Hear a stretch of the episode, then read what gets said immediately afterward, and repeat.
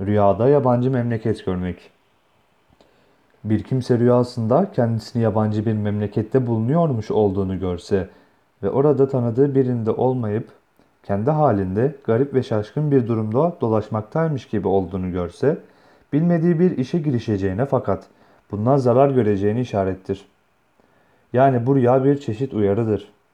Bu rüya sahibi yeni başlayacağı veya yeni girişeceği işi hususunda bir bilene danışıp fikir alması gerekmektedir. Aksi halde zarar görebilir. Bir kadın rüyasında yabancı bir memlekette bulunuyormuş olduğunu görse, bu rüyası onun hareketlerini kontrol etmesi gerektiğini gösteriyor. Çünkü ahlaki durum yanlış hareketlerinden dolayı sarsılmakta olduğuna işarettir şeklinde yorumlanır.